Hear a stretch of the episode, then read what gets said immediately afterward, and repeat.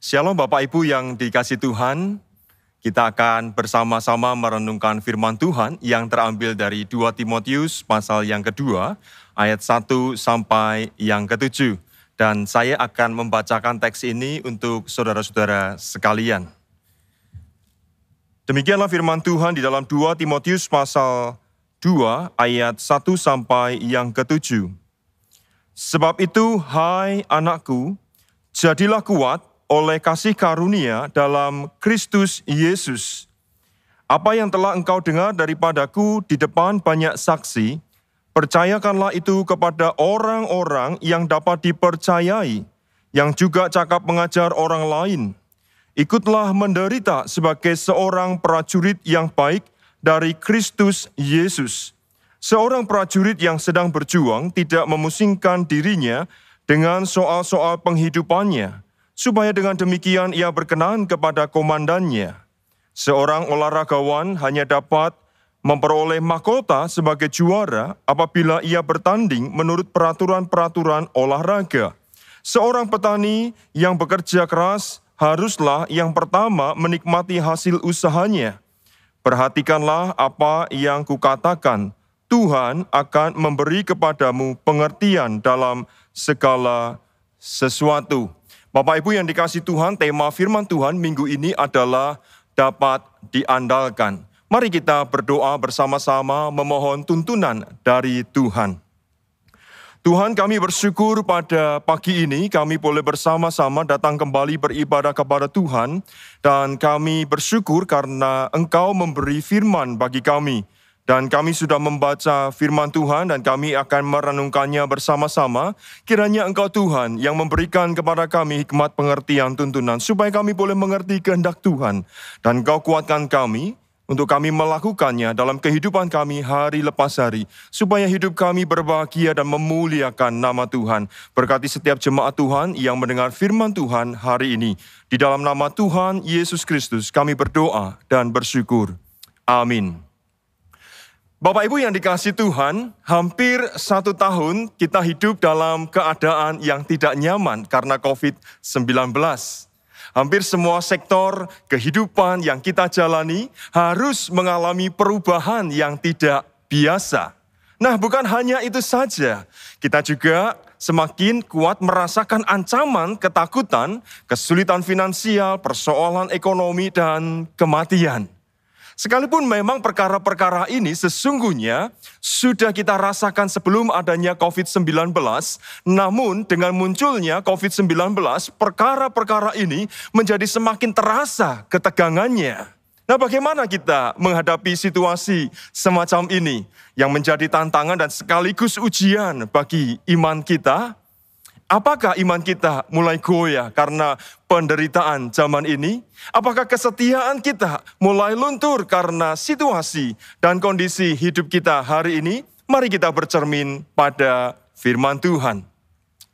Di dalam 2 Timotius pasal 2 ayat 1 sampai 7, sesungguhnya memiliki latar belakang pasal 1 ayat 3 sampai yang ke-18. Dalam pasal yang, yang pertama ini, Paulus mencoba menguatkan dan menghibur Timotius yang sedang menghadapi tantangan dan penderitaan dalam pelayanannya di kota Efesus. Pertama, Bapak Ibu, di dalam pasal 1 itu Paulus mengingatkan Timotius untuk mengikuti jejak iman ibu dan neneknya yang setia kepada Tuhan. Pasal 1 ayat 3 sampai yang kelima, Kedua, Paulus juga mengingatkan bahwa Tuhan telah memberikan karunia rohani kepada Timotius untuk melayani Tuhan dengan keberanian pasal 1 ayat 6 sampai yang ketujuh.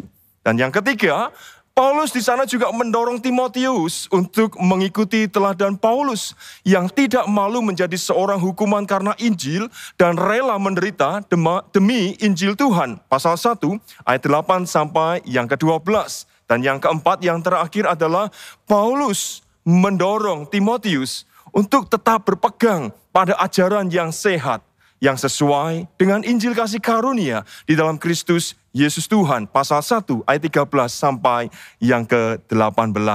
Nah Bapak Ibu yang dikasih Tuhan, Paulus perlu menguatkan Timotius karena pada saat itu sudah terjadi bahwa di tengah-tengah penderitaan yang dialami jemaat Tuhan, banyak di antara mereka yang berpaling dari Paulus dan meninggalkan ajaran yang sehat atau meninggalkan iman mereka. Mari kita perhatikan ayat pasal yang pertama, ayat yang ke-15. Paulus berkata kepada Timotius di sana demikian. Engkau tahu bahwa semua mereka yang di daerah Asia kecil berpaling daripadaku, termasuk Vigelus dan Hermogenes.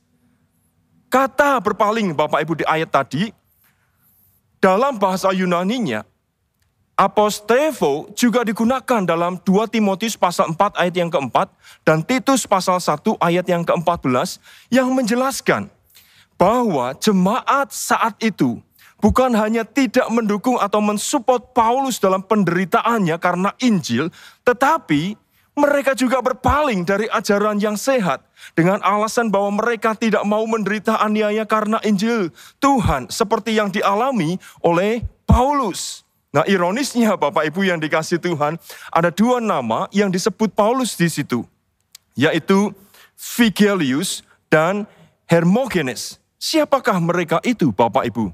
Alkitab tidak menjelaskan secara detail tentang mereka. Namun, ketika Paulus menyebut nama seseorang dalam suratnya, kemungkinan besar orang ini cukup berpengaruh dalam komunitas jemaat, atau setidaknya mereka adalah pemimpin gereja lokal. Nah, dengan kata lain, akibat penderitaan yang terjadi pada masa itu, sejumlah jemaat dan pemimpinnya meninggalkan Paulus dan iman mereka kepada Tuhan Yesus. Nah, nampaknya perasaan takut menghadapi penderitaan dan aniaya telah membuat mereka meninggalkan iman demi mendapatkan kenyamanan hidup yang duniawi. Bapak Ibu yang dikasih Tuhan, kita tahu bahwa keadaan jemaat yang demikian tidak hanya terjadi pada zaman Paulus, tetapi juga terjadi di sepanjang sejarah gereja, bahkan sampai hari ini. Banyak jemaat yang kecewa dan undur dari Tuhan karena mereka tidak tahan menghadapi penderitaan. Mereka meninggalkan iman untuk mengejar kebahagiaan duniawi.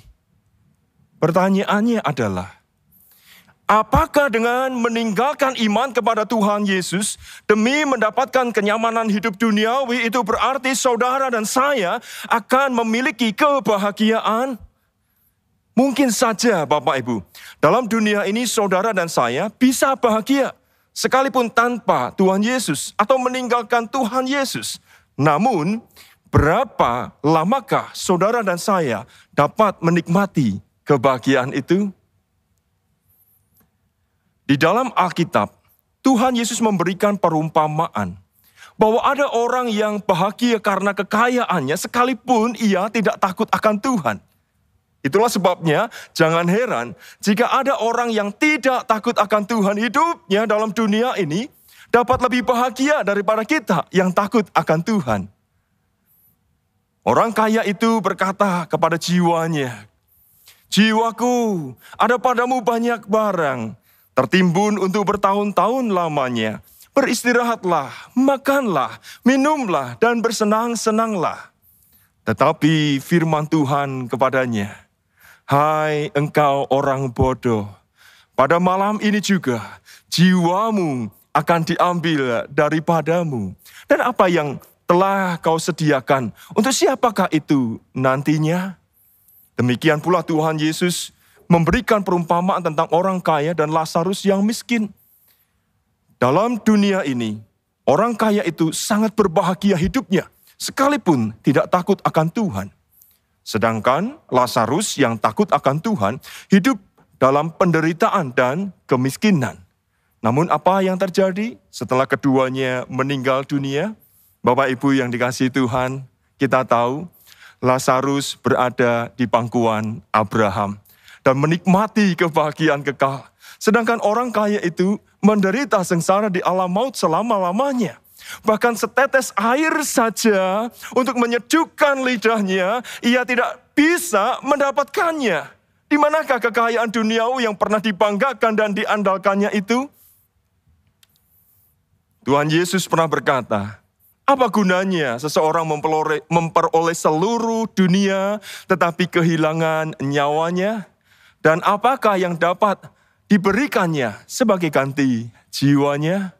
Itulah sebabnya Bapak Ibu, Paulus sangat bersedih hati ketika melihat jemaat Tuhan di Asia kecil yang berpaling daripadanya dan meninggalkan iman mereka untuk mengejar kenikmatan dunia ini dan menghindari penderitaan karena iman. Alasan inilah yang membuat Paulus kemudian memberikan nasihat kepada Timotius yang saat itu sedang melayani sebagai hamba Tuhan di kota Efesus, agar Timotius tidak mengikuti jejak orang-orang yang berpaling dari ajaran yang sehat dan meninggalkan iman mereka. Nah, Bapak Ibu berdasarkan 2 Timotius pasal 2 ayat 1 sampai yang ketujuh, ada tiga nasihat yang Paulus berikan kepada Timotius. Yang pertama, di dalam ayat yang pertama, di sana dikatakan sebab itu, hai anakku, jadilah kuat oleh kasih karunia dalam Kristus Yesus. Yang pertama, sebab itu jadilah kuat oleh karena kasih karunia Kristus Yesus. Bapak Ibu, frase jadilah kuat dalam ayat ini dalam bahasa Yunani-nya memakai bentuk present passive imperatif Bapak Ibu. Artinya apa? Bentuk imperatif itu menjelaskan sebuah perintah yang harus dikerjakan tanpa kecuali. Bentuk pasif menegaskan bahwa kekuatan itu bukan berasal dari Timotius sendiri, melainkan dari suatu yang di luar dirinya, yaitu Allah yang membuatnya kuat. Sedangkan bentuk present menunjukkan sesuatu yang terjadi dari waktu ke waktu, dari hari ke hari, dan seterusnya. Artinya Bapak Ibu, ketika Paulus berkata kepada Timotius, jadilah kuat oleh kasih karunia dalam Kristus. Paulus sedang mengatakan kepada Timotius agar setiap saat, setiap waktu, setiap hari ia tinggal dan berpegang pada kasih karunia Allah dalam Kristus Yesus yang akan memberinya kekuatan menghadapi penderitaan. Saya akan mencoba memberikan sebuah ilustrasi untuk hal ini. Nah, Bapak Ibu, tentunya pernah mendengar kisah seorang pelari maraton dari Tanzania yang mengikuti eh, lari maraton Olimpiade Meksiko tahun 1968. Ia bernama John Stephen Aguari. Nah Bapak Ibu, ia bukan peraih medali pada Olimpiade Meksiko saat itu. Tetapi uniknya, seluruh kamera televisi mengarah kepadanya ketika ia menjadi atlet terakhir yang mencapai garis finish dari lari maraton sejauh 42.195 meter. Bapak Ibu, apa yang membuat seluruh kamera televisi hari itu terfokus kepadanya? Nah dikisahkan Bapak Ibu bahwa ketika ia mengalami kram otot kaki pada kilometer yang ke-19, ia tertubruk oleh sejumlah pelari. Ia jatuh dengan sendi lutut tergeser dan bahu yang sakit. Keadaan ini tentunya membuat dia menderita. Namun Bapak Ibu yang dikasih Tuhan, ia tidak menyerah begitu saja. Setelah beberapa saat mengatasi rasa sakitnya, kembali ia meneruskan perlombaan itu dengan lutut yang dibebat dengan kain. Pemenang lari maraton hari itu Bapak Ibu adalah pelari dari Ethiopia. Namanya adalah Mamo Walde. Dengan torehan waktu 2 jam 20 menit 26 detik. Sebaliknya, sebaliknya John Aquari mencapai finish dalam waktu 3 jam 25 menit 27 detik Bapak Ibu. Yaitu ketika medali akan dibagikan kepada para juara. Nah artinya apa Bapak Ibu? John Aquari tertinggal jauh di belakang. Dan ia adalah pelari terakhir yang memasuki garis finish. Namun, apa yang membuatnya bisa mencuri perhatian dari seluruh kamera televisi saat itu? Jawabannya adalah perjuangannya. Ada banyak alasan bagi Aquari hari itu untuk tidak melanjutkan lari maraton itu. Ia bisa saja berhenti dan keluar dari pertandingan karena ia cedera sendi lutut dan bahu. Namun apa yang membuatnya terus bertahan dan kuat menyelesaikan pertandingan maraton itu sampai finish? Jawabannya adalah ia berkata, negara saya tidak mengirim saya hanya untuk start, memulai berlari. Mereka mengirim saya untuk menyelesaikan lomba. Nah Bapak Ibu, kegigihannya telah mencuri perhatian seluruh kamera televisi saat itu. Bukan hanya itu saja, Akuari kemudian juga diingat oleh banyak orang sebagai pejuang yang tangguh. Ia juga dianugerahi penghargaan National Hero Medal of Honor dan namanya diabadikan dalam yayasan pelatihan atlet di Tanzania. Luar biasa bukan? Nah Bapak Ibu yang dikasih Tuhan, coba perhatikan. Kekuatan dan semangat John Aquari datang dari mana? Tentunya datang bukan dari fisiknya yang menderita hari itu, tetapi dari kesadaran bahwa negaranya mengutusnya bukan untuk memulai pertandingan, tetapi untuk menyelesaikannya, dan itu memberinya kekuatan untuk menyelesaikan pertandingan saat itu. Demikian pula dengan kita hari ini Bapak Ibu. Setiap saat, setiap waktu, dan setiap hari kita harus tinggal dan berpegang pada kasih karunia Allah yang telah menyelamatkan kita.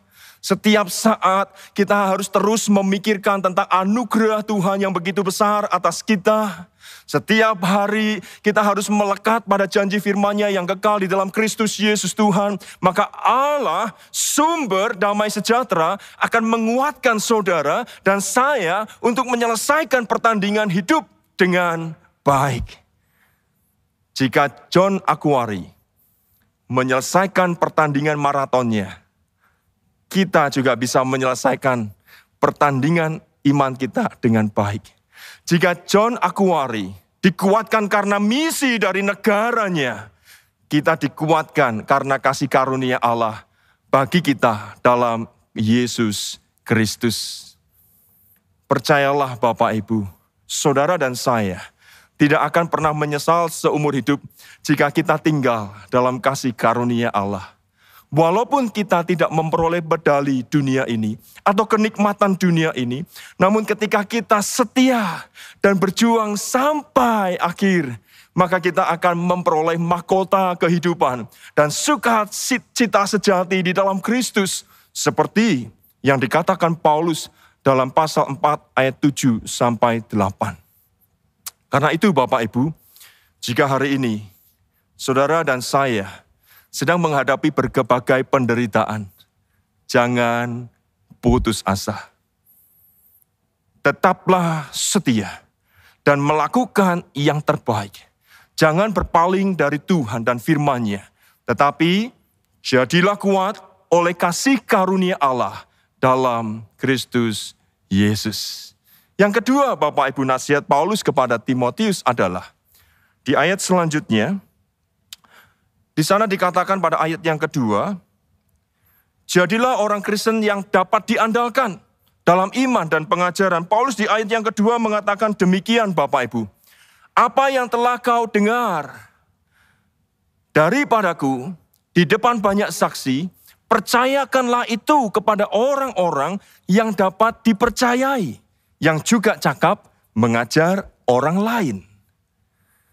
Bapak Ibu nampaknya selain penderitaan, lemahnya kepemimpinan dan sulitnya mencari orang-orang yang dapat diandalkan dalam iman dan pengajaran, pada saat itu ini menjadi salah satu sebab jemaat di mana di Asia Kecil banyak berpaling kepada dari Paulus dan meninggalkan iman mereka kepada Kristus. Dalam perjuangan Paulus, Bapak Ibu, di dalam memberitakan Injil, nampaknya tidak semua rekan kerjanya adalah orang-orang yang setia, seperti Timotius. Orang-orang seperti Figelus dan Hermogenes adalah pemimpin jemaat yang hanya ingin memimpin, tetapi tidak ingin menderita karena iman. Mereka tidak setia dalam iman dan tidak dapat dipercaya. Sedangkan pada satu sisi, Kebutuhan seorang pelayan Tuhan tidak bisa diabaikan saat itu. Paulus membutuhkan Timotius untuk menolongnya di dalam pelayanannya di Roma. Perhatikan pasal 4 ayat yang ke-9. Paulus berkata di sana, berusahalah segera datang kepadaku. Sedangkan Timotius juga membutuhkan orang lain untuk melayani jemaat Tuhan di kota Efesus sebagai penggantinya. Ini berarti Paulus maupun Timotius tidak dapat berjuang sendiri untuk menguatkan dan memelihara iman jemaat Tuhan. Timotius harus mempersiapkan dan mengajar orang lain yang setia dan yang cakap mengajar untuk menguatkan iman jemaat Tuhan. Pertanyaannya adalah, siapakah orang itu? Bapak Ibu, hari ini kita bersyukur. GKA Gloria memiliki cukup banyak hamba Tuhan, majelis, dan jemaat yang aktif melayani. Tetapi siapakah orang yang dapat diandalkan, yang setia dalam iman dan dapat mengajar orang lain untuk melayani kebutuhan jemaat Tuhan dan menguatkan mereka dalam berbagai persoalan mereka hari-hari ini? Nah, Paulus sendiri membutuhkan Timotius untuk menolong pelayanannya di Roma karena Paulus berada dalam penjara Roma saat itu. Sedangkan Timotius juga membutuhkan orang lain untuk memimpin jemaat di Efesus. Bapak Ibu yang dikasih Tuhan, semua ini menunjukkan bahwa hamba Tuhan, majelis, dan aktivis tidak dapat berjuang sendiri. Kita perlu rekan-rekan jemaat yang bersedia diajar, yang dapat dipercaya dalam iman dan cakap mengajar, sehingga dapat membantu dan melengkapi keterbatasan kami untuk melayani jemaat Tuhan. Tetapi pertanyaannya sama, Siapakah orang itu?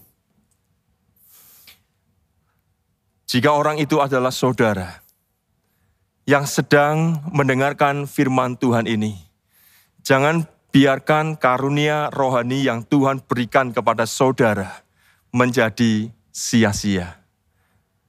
Jadilah orang yang dapat dipercayai dan diandalkan dalam iman, serta cakap mengajar orang lain agar saudara-saudara seiman lainnya melalui pelayanan saudara dapat dikuatkan dalam iman. Nah saya bersyukur di tengah-tengah pelayanan di GKA Gloria ada orang-orang yang dapat dipercayai dan cakap mengajar orang lain. Kiranya orang-orang yang semacam ini terus setia dan jumlahnya boleh ditambahkan oleh Tuhan untuk melayani dan menguatkan iman jemaat yang lainnya. Nah yang ketiga yang terakhir apa yang dinasihatkan Paulus kepada Timotius hari itu adalah Jadilah prajurit Yesus Kristus yang baik dan setia. Walaupun harus menghadapi penderitaan. Nah inti nasihat pada ayat yang ketiga sampai yang ketujuh Bapak Ibu yang kita baca tadi adalah agar Timotius berusaha menyenangkan hati Tuhan bertekun dan bersabar dalam penderitaan. Nah untuk menjelaskan hal ini Bapak Ibu Paulus memberikan tiga analogi yaitu seorang prajurit adalah seorang yang menyenangkan komandannya. Seorang olahragawan adalah seorang yang bertanding mengikuti aturan. Dan seorang petani adalah seorang yang sabar untuk menikmati hasil usahanya. Nah apa yang Paulus ingin katakan kepada Timotius dan kepada kita melalui analogi ini. Nah, saya mau menyimpulkan dengan perkataan yang pernah Paulus katakan kepada jemaat di Korintus, yaitu bahwa kesetiaan dan jeripayah kita di dalam Tuhan tidak akan sia-sia. 1 Korintus 15 ayat 58. Ketika kita setia, walau menderita, pada waktunya Tuhan akan memberikan kepada kita kelegaan. Ketika kita bertekun dalam Tuhan, pada waktunya kita akan menikmati buah kesetiaan kita. Sebab Tuhan yang telah berjanji dalam firman-Nya adalah Tuhan yang setia. Sama halnya dengan seorang prajurit yang mendapatkan kenaikan pangkat pada waktunya. Sama halnya dengan seorang olahragawan yang mendapatkan mahkota dari hasil ketekunannya. Dan seorang petani yang menikmati hasil usahanya. Demikian pula dengan kita hari ini. Karena itu Bapak Ibu yang dikasih Tuhan, jangan putus asa dan meninggalkan Tuhan. Walaupun saudara dan saya menghadapi penderitaan, kesulitan, dan tantangan hidup seperti yang kita alami hari-hari ini. Sebaliknya, marilah kita setia sampai pada akhir, sebab jeripayah kita di dalam Tuhan tidak akan sia-sia. Tuhan sudah menyediakan kemuliaan yang jauh melampaui penderitaan kita dalam dunia ini. Di dalam Roma pasal 8 ayat 18 Paulus berkata demikian. Segala sesuatu dalam dunia ini pasti akan kita tinggalkan. Tetapi segala pekerjaan yang kita lakukan bagi Tuhan akan kita bawa sampai kekekalan. Karena itu Bapak Ibu yang dikasih Tuhan, Jim Elliot seorang misionaris yang menyerahkan hidupnya demi pemberitaan Injil di sebuah suku di Ekuador berkata apa? He is no fool who gives what he cannot keep to gain that which he cannot lose. Dia bukanlah orang bodoh yang memberikan apa yang tidak bisa dia simpan untuk mendapatkan apa yang tidak bisa dia hilangkan. Bapak Ibu ini adalah kalimat yang mengingatkan kepada kita agar kita jangan menggantikan kemuliaan kehidupan kekal dengan kesenangan duniawi yang bersifat sementara. Nah sebaliknya Bapak Ibu, tetaplah berjuang bukan hanya untuk hidup yang sementara di dunia ini, tetapi berjuanglah untuk sebuah kekekalan. Jadilah murid yang dapat diandalkan. Bapak Ibu, apa yang menjadi kesulitan kita hari ini? Firman Tuhan berkata, jadilah kuat oleh kasih karunia. Mari hari lepas hari, waktu demi waktu, kita pegang, kita hidup di dalam kasih karunia Tuhan. Sebab di situlah letak kekuatan kita. Pada waktunya, Tuhan akan memulihkan. Pada waktunya, Tuhan akan menolong kita. Pada waktunya, Dia akan mengangkat kita. Kiranya kita boleh bertahan sampai pada akhirnya. Dan kita menjadi orang-orang yang dapat diandalkan. Tuhan memberkati Bapak, Ibu, dan saudara-saudara sekalian. Amin. Mari kita bersatu di dalam doa. Tuhan kami hidup di tengah zaman yang tidak mudah hari ini. Ketika kami menghadapi hidup yang sulit ini, kadang kami gentar, kadang kami ragu, bahkan kami mulai kehilangan semangat kami untuk melayani Tuhan, untuk hidup benar, untuk terus berjuang dan tetap setia kepada Tuhan. Kadang kami tergoda untuk berpaling dari Tuhan dan mencari kenikmatan dunia ini. Padahal semua itu satu kali kelak tidak akan kami bawa. Segala sesuatu akan kami tinggalkan. Tetapi sering kali kami gagal memahami kasih karuniamu ya Tuhan. Bahwa sesungguhnya Engkau sudah menyelamatkan kami. Bahwa Engkau sudah Tuhan yang memberi kami kehidupan kekal. Janji kemuliaan yang akan datang, kemuliaan yang indah bersama Kristus Yesus Tuhan. Tetapi karena penderitaan yang sementara di dunia ini, acap kali kami gagal untuk setia. Kami gagal untuk menjadi murid-murid yang dapat diandalkan, untuk melakukan apa yang menjadi kehendakmu. Tuhan di tengah situasi yang sulit hari ini, tolong kami. Biarlah kami tetap bertekun, kami tetap setia. Dan kami boleh terus berpegang dan hidup di dalam kasih karuniamu.